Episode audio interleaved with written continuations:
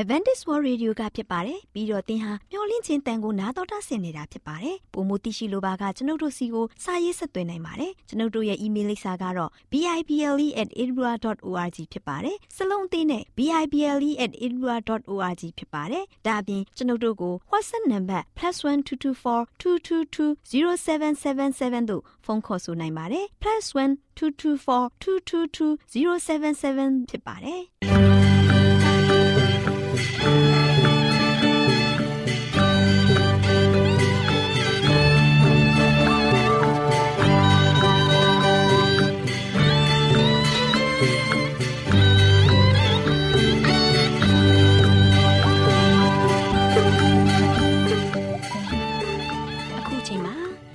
တော်ကိုမျော်လင့်သောတတ္တမနေ့အသင်းတော်ရဲ့ရေဒီယိုအစီအစဉ်ဖြစ်တဲ့ AWR မျော်လင့်ခြင်းအတန်လွင့်အစီအစဉ်ကိုစတင်တန်လွင့်မှာဖြစ်ပါတယ်ရှင်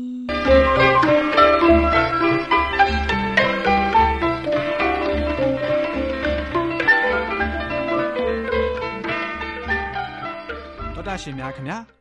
မျော်လင့်ခြင်းအတန်မြန်မာအစီအစဉ်ကိုနက်နက်6နိုင်မိနစ်30မှ9နိုင်အထိ16မီတာ။ kHz 10653ညညပိုင်း9နိုင်မှ9နိုင်မိနစ်30အထိ16မီတာ kHz 19533ညမှနေ့စဉ်အတန်လှွင့်ပေးနေပါတယ်ခင်ဗျာသောတာရှင်များရှင်ဒီကနေ့တင်ဆက်ထုတ်လွှင့်ပေးမယ့်အစီအစဉ်တွေကတော့ကျမ်းမာပျော်ရွှင်လူပေါင်းတွင်အစီအစဉ်တရားဒေသနာအစီအစဉ်အထွေထွေဘုဒ္ဓအစီအစဉ်တို့ဖြစ်ပါတယ်ရှင်သောတာရှင်များရှင် Our temperament လာပန်ကျမ်းမာခြင်းသည် လူသားတိုင်းအတွက်အထူးအရေးဖြစ်ပါသည်။ဒါကြောင့်ကိုရောစိတ်ပါကျမ်းမာစေဖို့ယင်ကျမ်းမာခြင်းတရင်ကောင်းကို တင်ဆက်ပေးလိုက်ပါတယ်ရှင်။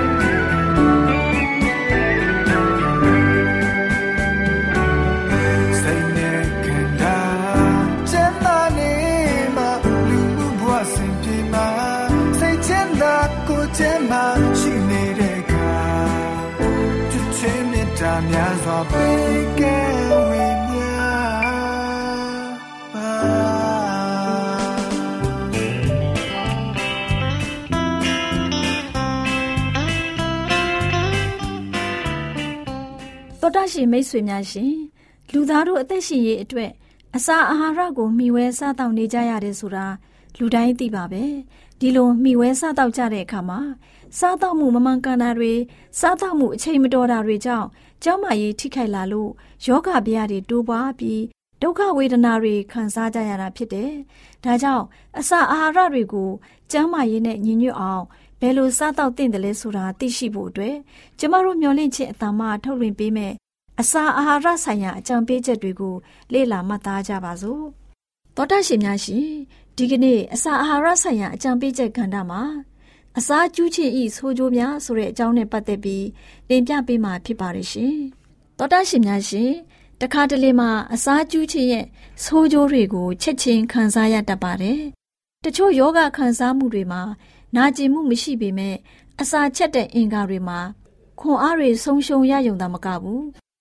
ကိုယ်ခန္ဓာခွန်အားရဲ့အခြေခံအုတ်မြစ်ကို ထိခိုက်ပျက်စီးစေပါတယ်။လိုရာထက်ပိုပြီးတော့စားထားတဲ့အစားအစာတွေဟာအစာချက်တဲ့စနစ်ကိုဝန်လေးစေုံသာမကပါဘူးဖျားနာမှုတွေကိုလည်းဖြစ်ပွားစေတတ်ပါတယ်အဲ့ဒီအစာပိုတွေကြောင့်အစာအိမ်ဟာသွေးအတိုင်းအဆများစွာလိုအပ်လာပြီးတော့ခြေလက်အင်္ဂါတွေနဲ့ခြေပြားလက်ပြားတွေကိုချမ်းစိမ့်စိမ့်ဖြစ်စေပါတယ်အဲ့ဒီအစာပိုတွေကြောင့်အစာချက်တဲ့အင်္ဂါတွေဟာပြင်းပြင်းထန်ထန်အလုတ်လုတ်ကြရတယ် သူတို့ကိုအစာချက်ပြီးတဲ့အချိန်မှာလူဟာနှုံးချသွားပါတော့တယ်အဲ့ဒီခံစားမှုဟာအစာချက်အင်္ဂါရက်တွေအလုတ်ပိုပြီးလှုပ်ဆောင်ရတဲ့အတွက်ကြောင့်ဖြစ်ပေါ်လာခြင်းဖြစ်ပါတယ်။တခါတရံမှာစိတ်လက်မအီမသာဖြစ်ပြီးအုံနောက်ဟာလည်းပဲထုံထိုင်းနေတတ်ပါတယ်။အဲ့ဒီလိုမလိုလားအပ်တဲ့ယောဂလက္ခဏာတွေကိုခံစားရခြင်းကအင်္ဂါရက်တွေရဲ့အစွမ်းတကိုးတွေကိုသုံးသင်တာထက် ပိုးပြီးတော့အသုံးပြုတဲ့အတွက်မောပါနွမ်းလျက်သွားတဲ့သဘောပဲဖြစ်ပါတယ်။ကျွန်တော်ကိုအနာပေးပါတော့လို့အစာအိမ်ကဖွင့်ဆိုနေပေမဲ့အဲ့ဒီမောပါနွမ်းလျက်မှုကိုအစာဆာလောင်ခြင်းကိုခံစားနေရခြင်းဖြစ်တယ်လို့လူအများအနှစ်ဖွင့်ဆိုပြီးတော့အစာအိမ်ကို အနာပေးရမယ့်အစာနောက်ထအစာတွေကိုတော့မှထပြီးတော့စားသေးတယ်အစာအိမ်ကို ဖြစ်ပေးနေကြတယ်အကျိုးဆက်အနေနဲ့အစာအိမ်ဟာအားနည်းသွားပြီးတော့ ကောင်းကောင်းအလုပ်မလုပ်နိုင်တော့တဲ့အခြေအနေကိုရောက်ရှိသွားပါတော့တယ်။ဒါကြောင့်လူဟာကိုယ်စိတ်နှစ်ပါးအားနည်းသွားရခြင်းအကြောင်းရင်းတွေရှိပါတယ်။ဒီလိုကိုယ်စိတ်နှစ်ပါးအားအင်ကုန်ခန်းသွားရခြင်းရဲ့အကြောင်းရင်းဖြစ်ပြီးနေရာတကာမှာတွေ့နေရတဲ့ချိနဲ့ချင်းရဲ့အခြေခံအကြောင်းလည်းဖြစ်ပါတယ်။ကျမချင်းပြုပြင်ပြောင်းလဲရေးသမားတွေဟာကျမရေးကိုထိခိုက်စေမဲ့အစားအသောက်အလုံးကိုရှောင်ကြဉ်ခဲ့ပြီးဖြစ်ပေမဲ့အာဟာရဖြစ်တဲ့အစာတွေကို ကိုကြိုက်တဲ့လောက်စားနိုင်ခွင့်ရှိတယ်လို့အထင်ရှိနေကြပါတယ်။သူတို့ဟာထမင်းစပွဲမှာထိုင်တဲ့အခါမှာဘယ်အတိုင်းအစာထိစားသင့်တယ်လို့ဆင်ခြင်သုံးသပ်ပြီးတော့လှုပ်ဆောင်ရမယ့်အစားအလွန်အကျွံစားသုံးတတ်ကြပါတယ်။ဒီလိုနဲ့အစာနဲ့အပြစ်ထက်ချင်းခံရတဲ့အစာအိမ်ဟာတစ်နေ့လုံးပြည့်ကယ်နေပါတော့တယ်။စားသမျှအစာတွေထဲမှာသွေးသားမဖြစ်စေနိုင်တော့တဲ့အစာပိုတွေဟာအစာခြေစနစ်အတွက်ဝန်ထုတ်ဝန်ပိုးတစ်ခုဖြစ်ပါတော့တယ်။ ခန္ဓာကိုယ်ရန်တရားကြီးကိုလည်းအနှောက်အယှက်ပြုပါတယ်။အစာအိမ်ဟာအာအင်ဆုပ်ယုပ်သွားပြီးတော့အစာချက်အင်္ဂါတွေဟာလည်းချိနဲ့သွားတတ်ပါတယ်။အကျိုးဆက်အနေနဲ့ယောဂဗျာမျိုးစုံခံစားလာရပါတယ်။တကယ်လို့ယောဂရှိထားနေသူတွေအစာကျုခဲ့လို့ရှိရင်ရှိထားနေတဲ့ယောဂတွေဟာပို့ပြီးတော့ဆိုးရွားလာပြီးအင်အားတွေဟာလည်းပဲနေ့စဉ်ဆုပ်ယုပ်လာပါတော့တယ်။အကြောင်းကတော့စားသုံးမိတဲ့အစာတွေကို ခြေဖြတ်ဖို့ ခွန်အားတွေကိုမလိုအပ်ဘဲအသုံးပြုခဲ့ကြခြင်းဖြစ်တယ်။လူတို့ဟာအစာမကြေတဲ့ယောဂကိုခံစားမှုကြတဲ့အတွက်သဘောပေါက်ပါလိမ့်မယ်။မိသားစုထဲမှာအဲ့ဒီယောဂမျိုးခံစားနေရတဲ့သူရှိတဲ့အတွက်အဲ့ဒီယောဂရဲ့ကြောက်စရာအခြေအနေကိုလူတို့သိရှိထားပါတယ်။လူတဦးတယောက်ဟာအစာမကြေယောဂတဲ့တူဖြစ်လာလို့ရှိရင်အဲ့ဒီလူဟာကိုယ်စိတ်နှပါစလုံးမှာဒုက္ခတဲ့တူဖြစ်လာပါတယ်။ဒါကြောင့် လူစိတ်ရှိတဲ့မိတ်ဆွေတွေဟာလည်းပဲသူနဲ့အတူကိုယ်စိတ်နှပါရဲ့ဒုက္ခကိုခံစားလာရပါတယ်။သောတာရှင်များရှင်လူတွေဟာရေပုံရအားဖြင့်အလွန်အကျွံစားနေကြကြောင်းလူအများစုဟာအစားကျူးခြင်းကြောင့်မအီမသာဖြစ်ပြီးတော့ဖျားနာခြင်းအကျိုးဆက်ကိုခံစားနေရကြောင်းဖျားသခင်ကသိရှိပါတယ်။အဲ့ဒီဒုက္ခကိုထာဝရဘုရားသခင်ကလူတို့ကိုစီရင်တော်မူခြင်းမဟုတ်ပဲ လူတို့ကသာမိမိတို့ဖာသာမိမိတို့ဖန်တီးခဲ့ကြခြင်းသာဖြစ်ပါတယ်။ယောဂဝေဒနာတွေဟာအပြစ်ကျူးလွန်ခြင်းရဲ့ဆိုးကျိုးဖြစ်တာကိုသူတို့သိရှိနားလည်ဖို့ဘုရားသခင်အလိုရှိပါတယ်။လူများစွာတို့ဟာကျမ်းမာရေးစီးမြင်ကို ဖောက်ဖျက်ပြီးအစာကိုကြောသောပါစားတတ်ကြသလိုတချို့မှာတော့မတည့်တဲ့အစာတွေကိုရောပြီးစားတတ်ကြပါတယ်။အစာအိမ်ကို ထိခိုက်အောင်လုပ်ခြင်းဟာဝိညာဉ်အသက်တာကို ထိခိုက်စေကြောင်းကိုလည်းသိစေဖို့အတွက် ဖျားသခင်အလိုရှိတယ်ဆိုတဲ့အကြောင်းကို အစာအာဟာရဆိုင်ရာအကြံပေးချက်ကဏ္ဍမှာကျမ်းမာရေးအတွက်အတိပေးအကြံပေးတင်ပြလိုက်ရပါတယ်ရှင်။သောတာရှင်များရွှေလန်းချမ်းမြေ့ကြပါစေရှင်။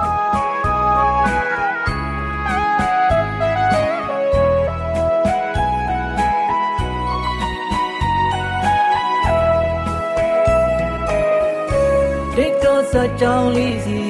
တစ်ခေါက်တော့ပြန်ရောက်စေခြင်းဂရနီ တောင်ပေါ်သက်စွန်သူကြောင်းလေးတို့ယေရှုသခင်လူတွေအတွက်သူလေးပြီးကဘူလောင်နဲ့ဒုနှလုံးသားစီတဲ့ကိုစတေးကရွေးနှုတ်ခဲ့ခဲ့တဲ့ပေးခဲ့ပြီလေမောင်ကပါ ညွှန်ရှာတဲ့ပြင်ငယ်တွေကယုံတွေ့ရအောင်လို့သက်ဆုံးကတဲ့တီခံခဲ့လင်းတရားကိုပေးဝေငါလို့မေတ္တာရှင်အော်သစ္စာရှင်တို့ဘဝမျောလင့်ချက်တွေ သူပြေစီကတပ်ဖို့ထာဝရမြင်စီသည်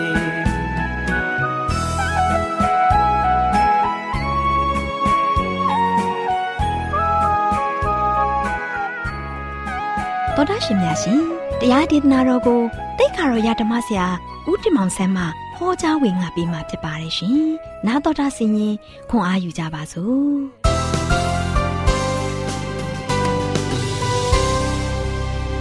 တော်တော်ရှင်များမင်္ဂလာပေါင်းနဲ့ပြေဝဆုံနေကြပါစေ။ယနေ့မွန်များလာတော့နေ့တစ်မှာတော်တာရှင်တို့နဲ့တူပြန်လည်ပြီးတော့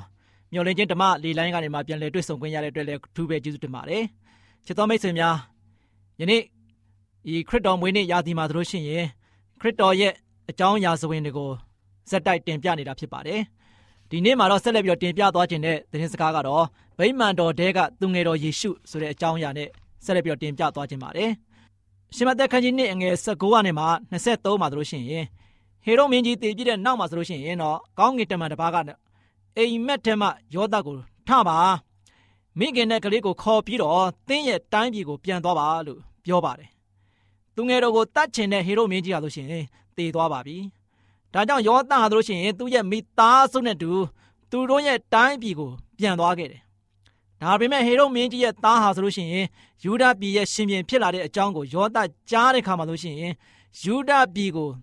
သွားရမှာကြောက်နေတယ်။အဲဒါကြောင့်ဘုရားသခင်ကသူ့အားဂါလိလဲပြည်ကိုသွားဖို့ကြံအတွက်အိမ်မက်ပေးပြန်တယ်။ယောသကလည်းနာသရက်မြို့မှာသွားပြီးနေထိုင်ခဲ့တယ်။ကိုတော်ကိုနာသရက်မြို့သားလို့ခေါ်ကြလိမ့်မယ်ဆိုတဲ့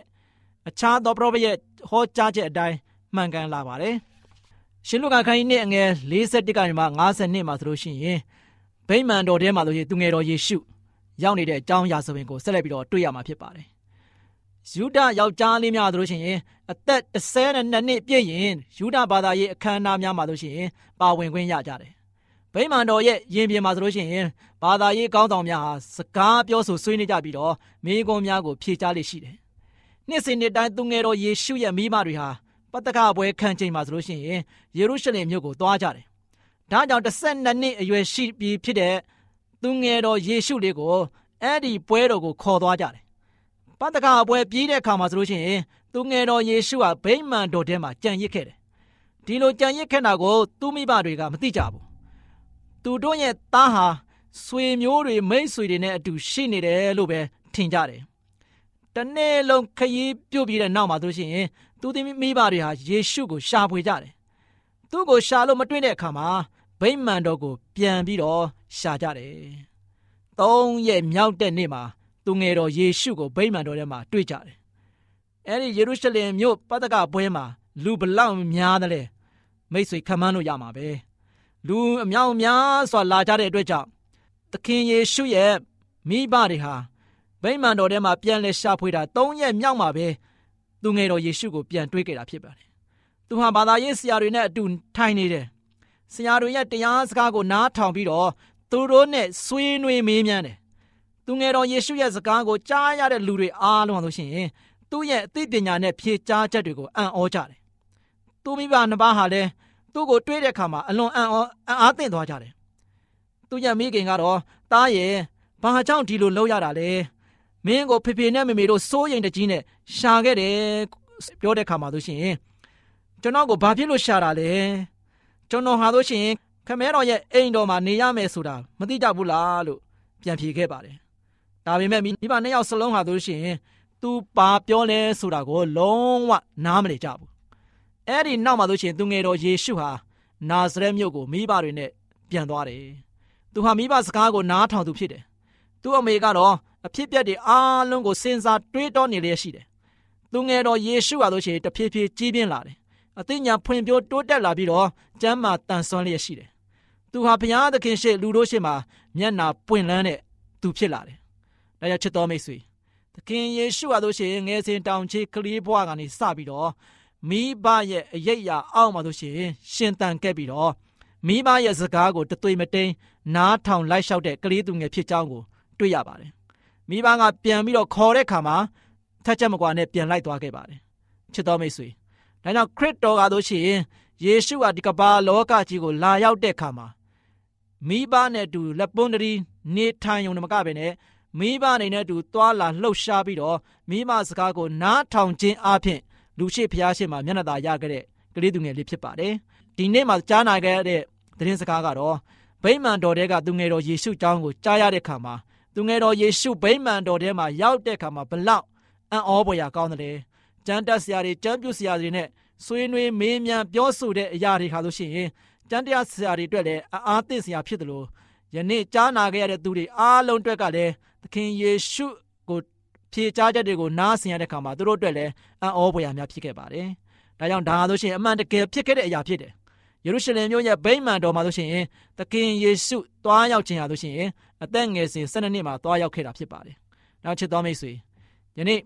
ဖရာသခင်ဟာလို့ရှိရင်ဒီကမ္ဘာလောကကိုကြွဆင်းလာပြီးတော့ဖရာတရားရှိတဲ့သူတရားဖြစ်တယ်ဆိုတာကိုတွေ့ရပါတယ်။ဒါကြောင့်သခင်ခရစ်တော်ရဲ့ဗိမာန်တော်ထဲမှာ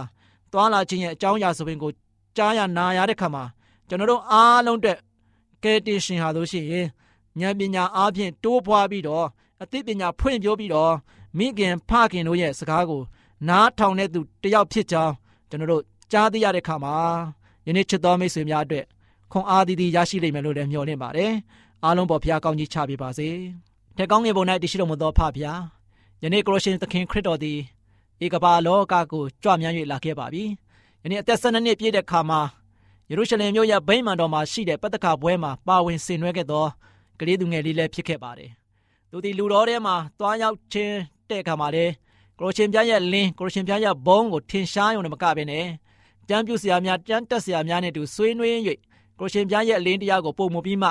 ထွန်းလင်းတောက်ပသောလူငယ်လေးဘဝအဖြစ်ရှင်သန်ခဲ့ပါတယ်။ကိုရောကိုကျေးဇူးတင်တယ်။ယနေ့သားသမီးတို့ဒီလေကရိုရှင်ပြရဲ့အလိုတော်ကိုဆောင်၍ကရိုရှင်ပြရဲ့အလိုတော်တိုင်းအသက်ရှင်ပြီးတကလား။ကိုရှင်ပြပေးတဲ့ကောင်းချီးမင်္ဂလာကိုအမြဲတမ်းခံစားဖို့ရန်အတွက်မာတော်မူကြောင်းဒီဘက်တော်တော်သခင်ခရစ်တော်၏နာမတော်ကိုမြှွေးစကောင်းပါလေဖပါဗျာအာမင်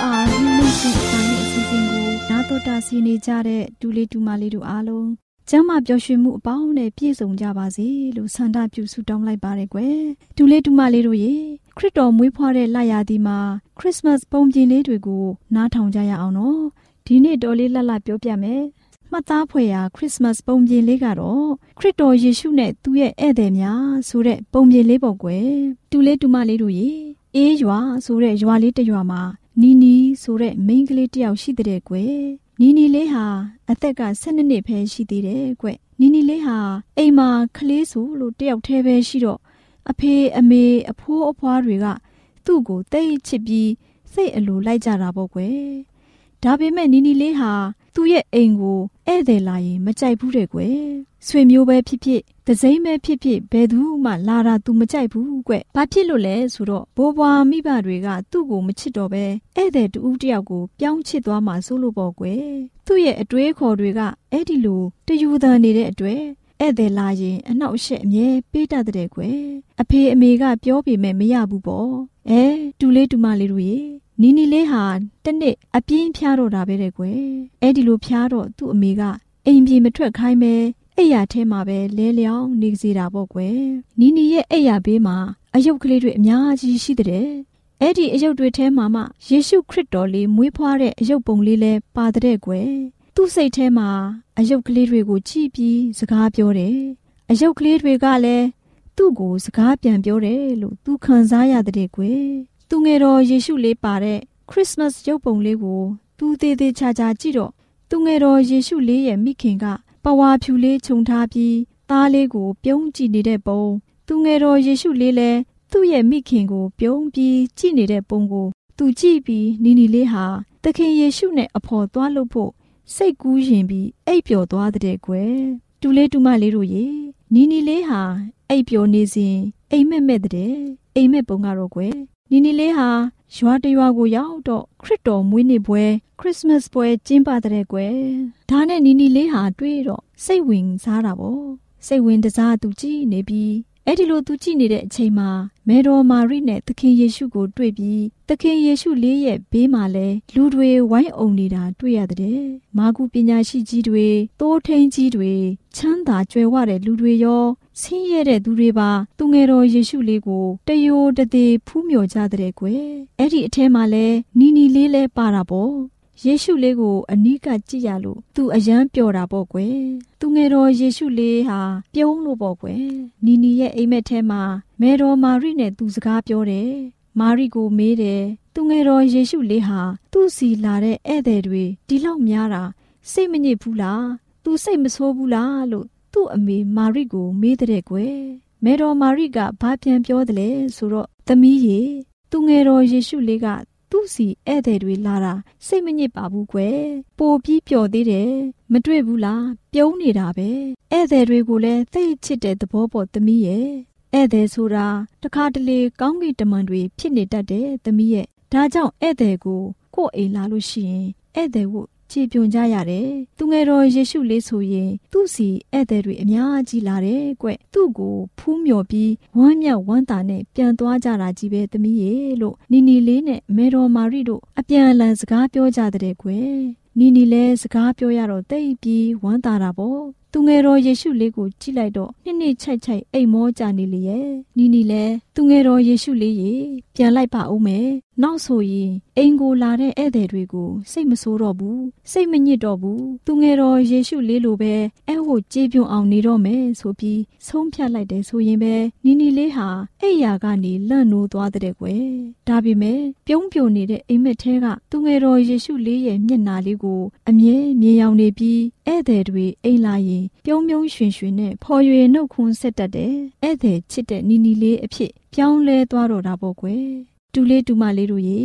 တူလေးတူမလေးတို့လည်းကို့အိမ်ကိုလာတဲ့ဧည့်သည်ကို ပြုံးပျော်ရွှင်စွာကြိုးဆိုအခမ်းနိုင်အောင်အရာရာပြည့်စုံနိုင်ကြပါစေလို့ဒေါ်လေးလှလှဆုတောင်းလိုက်ပါရယ်ကွယ်တူလေးတူမလေးတို့ရေခရစ်တော်ယေရှုနဲ့သူဤဧည့်သည်များဆိုတဲ့ပုံပြင်လေးကို နာတော်တာစီရင်ရွှေလန်းချမ်းမြေ့ကြပါစေကွယ်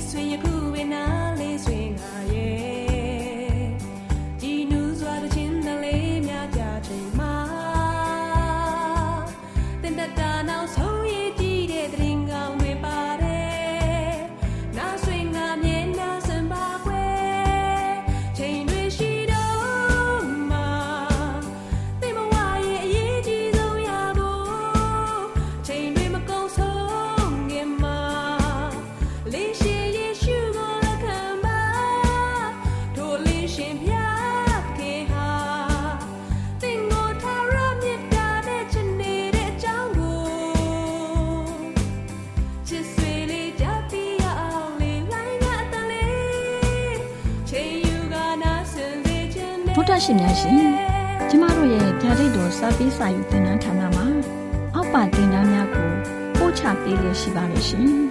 သင်တန်းများမှာဆိဒ္ဓတုခရှာဖွေခြင်းခရစ်တော်၏အသက်တာနှင့်တုန်တင်ခြင်းများတဘာဝတရားဤဆရာဝန်ရှိပါကျမ်းမာခြင်းနဲ့အသက်ရှိခြင်းသင်နဲ့တင့်ကြမာရေးရှာဖွေတွေ့ရှိခြင်းလမ်းညွန်သင်ခန်းစာများဖြစ်ပါရဲ့ရှင်သင်တန်းအလုံးဟာအခမဲ့သင်တန်းတွေဖြစ်ပါတယ်ဖြစ်ဆိုပြီးတဲ့သူတိုင်းကို ဂုံပြုလွှာချီးမြှင့်ပေးမှာဖြစ်ပါရဲ့ရှင်။တော်တာရှင်များခင်ဗျာဓာတိတော်အတန်းစာပေးစာယူဌာနကိုဆက်သွယ်ခြင်းနဲ့ဆိုရင်တော့ဆက်သွယ်ရမယ့်ဖုန်းနံပါတ်ကတော့39 656 296 336နဲ့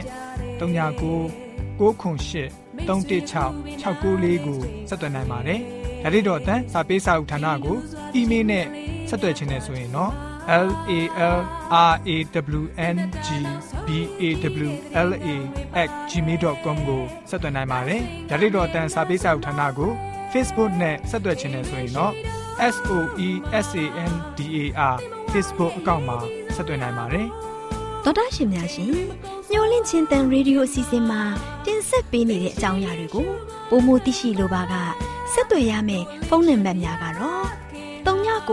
663 986 126ဖြစ်ပါတယ်ရှင်။နောက်ထပ်ဖုန်းတစ်လုံးနေနဲ့39 96 988 9669တို့ဆက်သွယ်မြင်းမြန်းနိုင်ပါတယ်ရှင်။သောတာရှင်များရှင် KSTA အာကခွန်ကျွန်းမှာ AWR မျိုးလင့်ချင်းအတံမြန်မာအစီအစဉ်များကိုအတံလွှင့်ခဲ့ခြင်းဖြစ်ပါတယ်ရှင်။ AWR မျော်လင့်ခြင်းအတန်ကိုနာတော်တာဆင် gay ကြတော့တော်တာရှင်အရောက်တိုင်းပေါ်မှာဖျားသခင်ရဲ့ကြွယ်ဝစွာသောကောင်းကြီးမင်္ဂလာတက်ရောက်ပါစေ ကိုယ်စိတ်နှဖျားစမ်းမွှင်လန်းကြပါစေကျေးဇူးတင်ပါတယ်ခင်ဗျာ